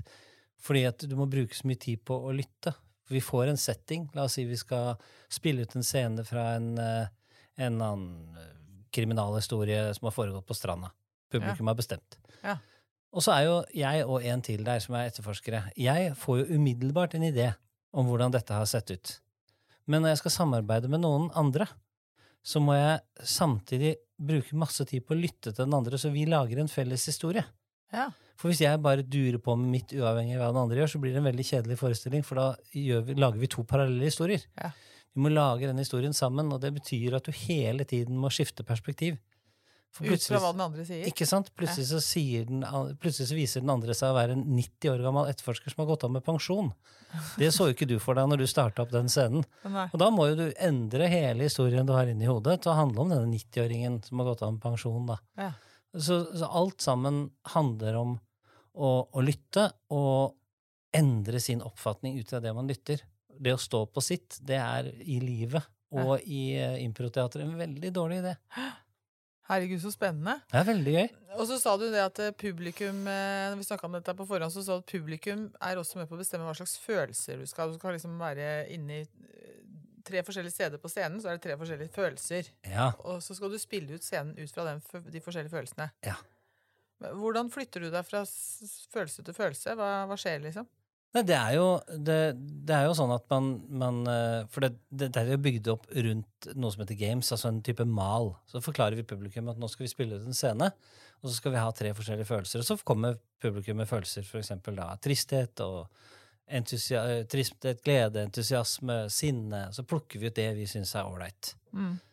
Eksempelvis eh, sorg, eh, lattermild og kåtskap, for eksempel, som mm. kan komme opp. Og så uh, har vi de tre posisjonene på scenen, og så går vi da over scenen mens vi f.eks. spiller ut en bruddscene. Så endrer vi da karakteren ut fra i hvilken sirkel du står i. Da flytter vi oss noenlunde tilfeldig, men det skaper en veldig gøyal dynamikk i, i samtalen. Fordi da, da, går du fra å være f.eks. sint på denne partneren til å plutselig bli lei deg. Så du får prøvd ut veldig mye sånn følelsesregister ut av det. Det er ganske gøy å se på, mm. fordi det endrer seg hele tiden. Og så er publikum også en sånn naturlig del i dette her, da. Ja. De er jo, eh, vi, vi, jobber ikke sånn, det skal sies, at vi tar publikummet på scenen. Nei. Vi hadde problemer med å rekruttere publikum en periode, for de torde ikke å komme for de var redd for at de skulle bli trukket opp på scenen. Vi gjør ikke det. Vi bruker de bare til rådgivning og til buing og klapping og ja. poenggiving og sånn. Så det er veldig, sånn, det er veldig, veldig artig. Så gøy. Ja, det er kjempe... Og I løpet av høsten nå så skal du spille flere sånne improforestillinger på Papirhuset i Tønsberg? Ja, eh, vi har på stasjonen i Tønsberg så har vi én gang i måneden. Og så har vi planlagt to sånne longform impro-teater hvor vi skal rett og slett spille én historie i, eh, i halvannen time. Hvor alt oppstår underveis, og det er svært krevende, for da skal jo alle disse fra vanlig impro, da, som foregår i enkeltnummer som nødvendigvis ikke henger sammen, så skal jo alt henge sammen, og alt skal ha én, én sammenhengende historie eh, som handler om et mord og en oppklaring. Mm. Og det, det, har vi aldri gjort før, så det skal vi uh, begynne å øve litt på. Men det blir, jo, det blir, jo, til der og da. Det er publikum ja. som bestemmer hvor dette drapet har skjedd, den, og, og, hele den. Så må vi bare lage historien ut fra det. Ja, Så gøy. Men det må jo det, Da må vi liksom litt, litt, tilbake til hvem er du, Terje? For ja. Eh, jeg tenker jo dette her handler jo Eh, du møter masse mennesker i jobben din, eh, både pasienter eh, Du snakker med de som jobber med pasientene. Mm. Du møter deg sjøl. Og så går du ut og så skal du gjøre dette også i tillegg. Og så har du seks barn, du har fire barnebarn og en kone. Altså, det er mye greier. Ja. Men alt dette her da, handler jo om menneskemøter. Ja, det gjør det. Um, jeg, jeg tenker jo først og fremst at du må ha fryktelig stort repertoar av fantasi og litt indre liv. Ja, det har jeg. Veldig stort indre liv.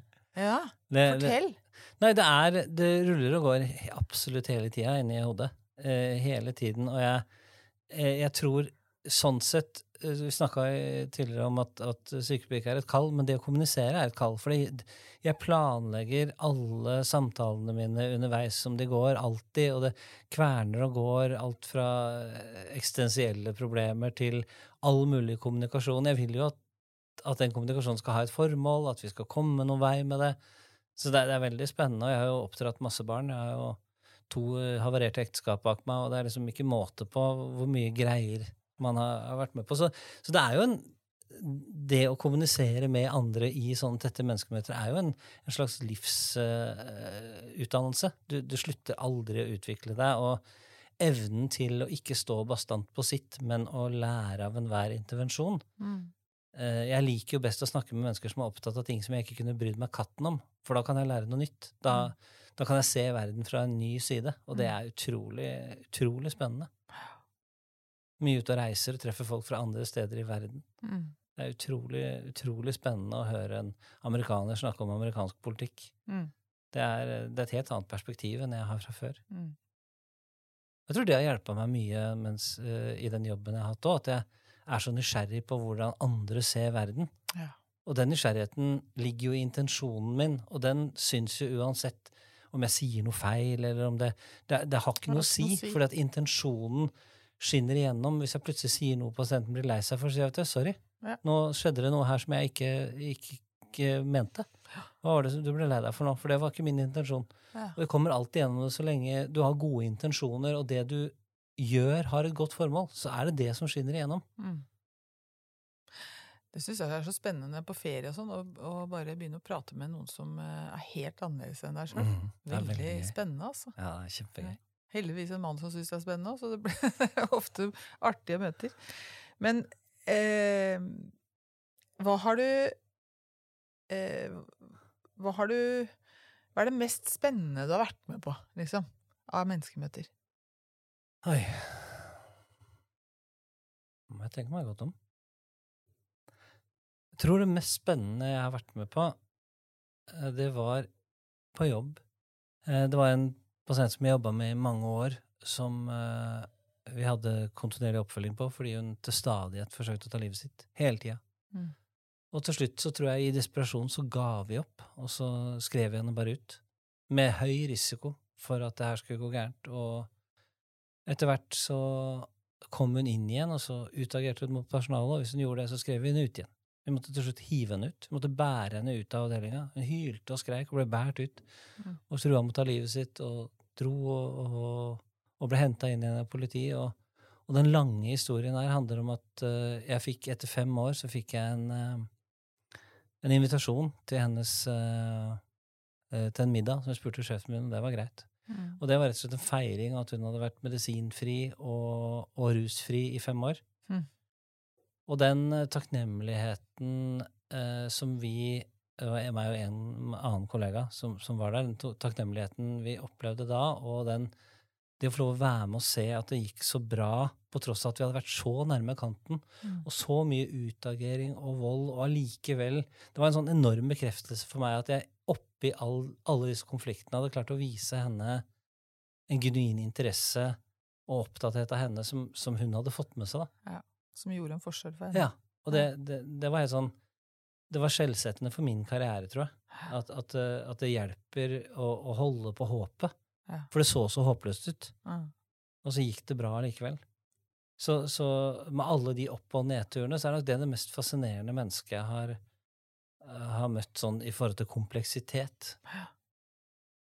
Men uh, Når du har møtt alle disse skjebnene, da, mm. uh, har du tro på menneske, menneskets evne, liksom, til å få det til? Ja, men jeg har ikke alltid tro på vilja. Nei. Men jeg tror på, på, på menneskets evne. Vi snakker mye om at du må ha motivasjon for å klare endring. Det er egentlig bare tull. Mm. Du trenger motivasjon for å bestemme deg for å endre. Resten er bare disiplin. Mm. Uh, og den derre målinga opp mot hvordan jeg føler meg hele tida, den må vi få snudd. Ja. Uh, folk er nødt til å gjøre, legge ned jobben, og så kan vi snakke om hvordan det føltes å legge ned jobben. Det er Mm. greit. Mm. Noen ganger så er det utrolig slitsomt å gjøre det man må, men vi kan ikke begynne å fire på det. Nei. Men vi skal snakke om hvordan man føler det. Men jeg tror evnene er bra, men vilja er jeg ikke sikker på alltid er der. Mm. Og det kreves en jernvilje for å gjøre store endringer. Mm. Og den, det er så mye jobb, og det er så vondt, og det er så mye konflikt i det, Mm. at uh, hvis man virkelig er villig til å gjøre jobben, så tror jeg de aller fleste kan få til alv alvorlig store endringer i livet sitt. Mm. Men det kan innebære masse tap og masse, masse vonde følelser. Men jeg tror det går an. Mm.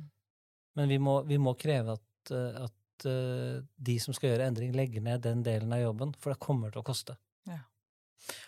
Og da begynner jeg å tenke på litt de som menneskene som også som både er eh, syke eller friske, men som ofte kan sette seg sjøl i en litt sånn offerrolle, da, for at Mm. livet har vært så tøft for meg, eller jeg har blitt påført så mye skade, eller påført så mye lidelse. Mm. Eh, kanskje tatt så mye lidelse, eller gjort, gjort så lidelsen sjøl òg. Men når man setter seg i en offerrolle, hvordan, hvordan møter du de menneskene? For å, få dem, for, for å hjelpe dem til å hente den styrken til å ta valgene, da. Du må begynne med å bygge tillit, og det gjør du gjennom å prøve å forstå den offerrollen og alt det vonde de har opplevd. Ja. Fordi at i enden av den samtalen så kommer det en konfrontasjon på at den eneste som kan gjøre noe endring på det, det er du. Ja. Og den samtalen eh, blir det alltid en del støy i. Ja. Eh, det er eh, den boka 'Sjef i eget liv', den tar opp en sånn historie. Mm. eh, hvor man har opplevd så mye fælt at man kan jo ikke kunne ta vare på seg selv. Hvor sannheten er at du er den eneste som kan det. Mm. Vi andre kan hjelpe deg, Mm. men du er den eneste som kan ta vare på deg.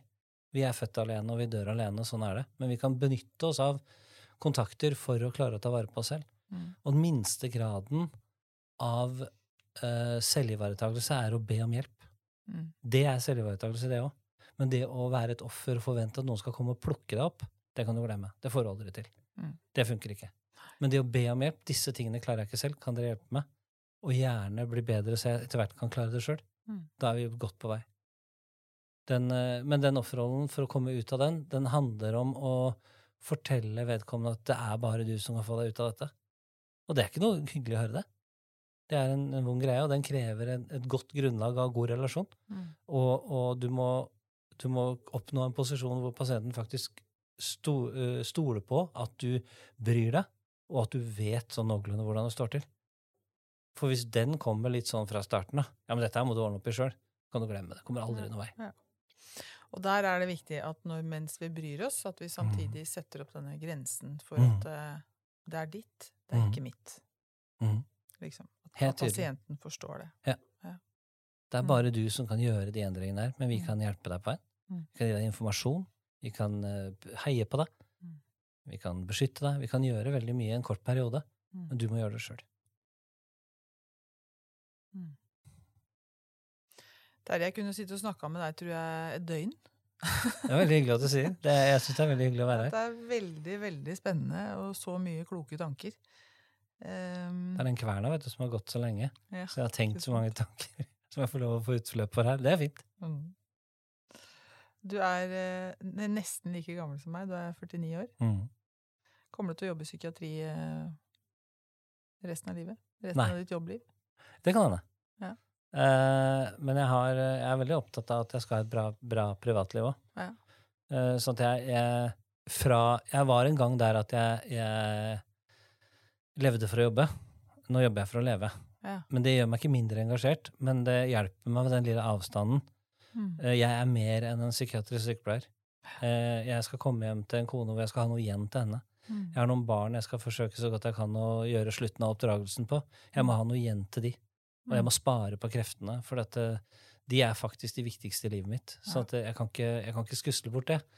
Eh, Men jeg har vært der at jeg, at jeg jobba for å leve, og det jeg fikk til her i verden Som sagt, med to havarerte ekteskap, så, så får du fort at den, den rollen du har på jobb, er det egentlig som er viktigst for deg.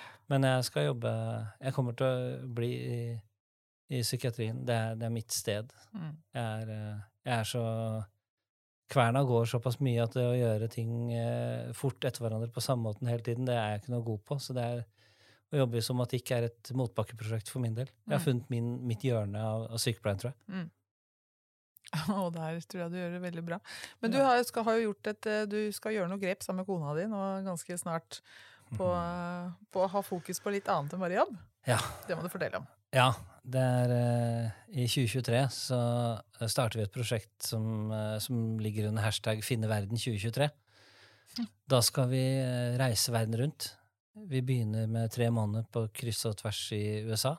Skal vi jobbe på Kona di er familieterapeut, er det Det ikke er riktig. Ja. Mm. Hun er eh, eh, internasjonal familieterapeut, tatt utdanninga i London. Og da skal vi reise rundt i USA. Vi skal oppleve USA ikke bare i severdigheter, men i private. Vi skal besøke en amerikansk familie. Vi, skal, vi har fått en avtale om å jobbe på suppekjøkken i eh, Texas. Eh, vi skal liksom prøve ut hvordan det er å være amerikaner. Det er bare tre måneder, men vi skal gjøre så godt vi kan og få, få tak i det. Eh, så skal vi reise til Sør-Amerika. Der skal vi jobbe på et Animal Rescue Center i tre måneder. Reise fra Chile til Ecuador, og så Brasil og Argentina. Så er det Australia og New Zealand som står for tur. Så er det Asia i tre måneder. Så er det Afrika i tre måneder. Herre min gud. Og så er det europatur i tre måneder. Og så er vi forhåpentligvis eh, ferdige. Så skal vi bare jobbe ved siden av. Så vi har spart til dette nå i tolv år. Og nå er, eh, går mitt siste barn ut av, eller vårt siste barn ut av videregående neste år. Så da, da har vi muligheten. Selv med Planen var å, jobbe, å egentlig reise ett år sammenhengende. Ja. Men eh, når du på vei inn på de elleve åra får fire barnebarn, så skjønner du at det ikke går. Ja. Så da blir det tre måneder av gangen, og så jobbe litt innimellom. Ja. Er men drømmen hadde vært å jobbe ni måneder av fri tre måneder hvert år. ja. Få se om jeg får til det. Mm. Så spennende. Ja, jeg tror reising gjør noe med det. Det, det å oppleve andre kulturer, det bygger ned fordommer. Uh, hvis vi er heldige, så får vi mulighet til å se litt hvordan de driver psykiatri i andre land. Vi har, et, uh, har veldig lyst til å få til det. Ja. Uh, få tak i noen kontakter som kan gi oss et lite innblikk. Det hadde vært eh, utrolig spennende. Vi får se hva vi, hva vi får til. Mm. Men perspektiver gjør er smartere. Jeg Gjør det. Skal dere Absolutt. Ehm, er dere eventyrere begge to? Ja, hun var det egentlig fra starten av. Ja. Og så har jeg blitt det etter at jeg traff henne for tolv år siden. Så det er veldig Det er, det er veldig, veldig spennende å, å reise rundt eh, andre steder. Både som backpacker og litt mer luksusturist. Alle, alle biter har sin eh, har sin sjarm. Mm. Du, nå er jeg mer spent på svaret enn jeg pleier å være på dette spørsmålet som vi stiller alle som okay. gjester her. Eh, eh, hvis du skulle eh, gitt deg sjøl noen gode råd, hvis du hadde hatt muligheten til å si noe til eh, unge Terje, 18 år, nå som du vet Mm. hvordan livet har gått, og livs, livsklokskapen din gjennom livet har Ja. Du har blitt klokere gjennom livet. Hva, Mm. hva kunne du tenke deg at Terje kunne ha fått hørt da han var 18 år? For det første, dette kommer til å gå bra. Mm. Det er det ene. Mm. Du, du kommer til å klare deg fint. Mm. Og det andre er at det, du må spare på kreftene. Det er ikke sikkert at du får det til selv om du gjør så godt du kan. Så gjør så godt du kan der du tror du kan lykkes. Mm. Det tror jeg er en, eh, et sånt råd som jeg hadde trengt å ha, for jeg har, eh, jeg har streva i motbakke for mange ganger i livet. Mm. Hvor jeg har tenkt at hvis jeg, bare, hvis jeg bare strever mer nå, hvis jeg bare gir enda litt til, så kommer jeg til å lykkes. Det er langt fra sikkert. Mm. Fordi at du jobber med, eh, jeg har jobba med mennesker hele tida. Fordi du jobber med andre mennesker, så er det ikke opp til deg. Faktisk ikke. Det er opp til pasienten til slutt. Og selv om du gjør så godt du kan, så kan du mislykkes. Mm. Og den erkjennelsen skulle jeg hatt før. Ja. Men den har jo ført til at jeg har holdt dette foredraget 60 ganger Ja. om å ta vare på seg selv. Ja. Fordi jeg oppdager det på veien, jeg også som alle andre, og har øvd på det et helt liv og kommer til å fortsette, for jeg tråkker stadig over. Ja. Jeg slipper stadig folk litt for tett på meg, og så må jeg skyve de unna igjen. Men jeg er glad for at de innimellom kommer for tett, Mm. for da veit jeg at jeg ligger omtrent der jeg skal. Altså, dette her er eh, både balsam for sjela og litt av hvert å snakke med deg. Eh, Jeg må bare si, Terje, masse, masse lykke til eh, videre eh, i jobben din. Og ikke minst ut på den turen deres.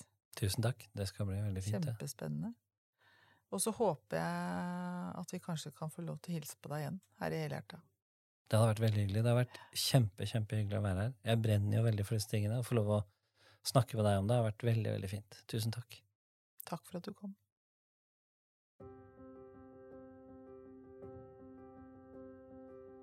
Helhjerta er en podkast fra Kompetansebroen, en digital plattform for kompetansedeling i helsetjenesten.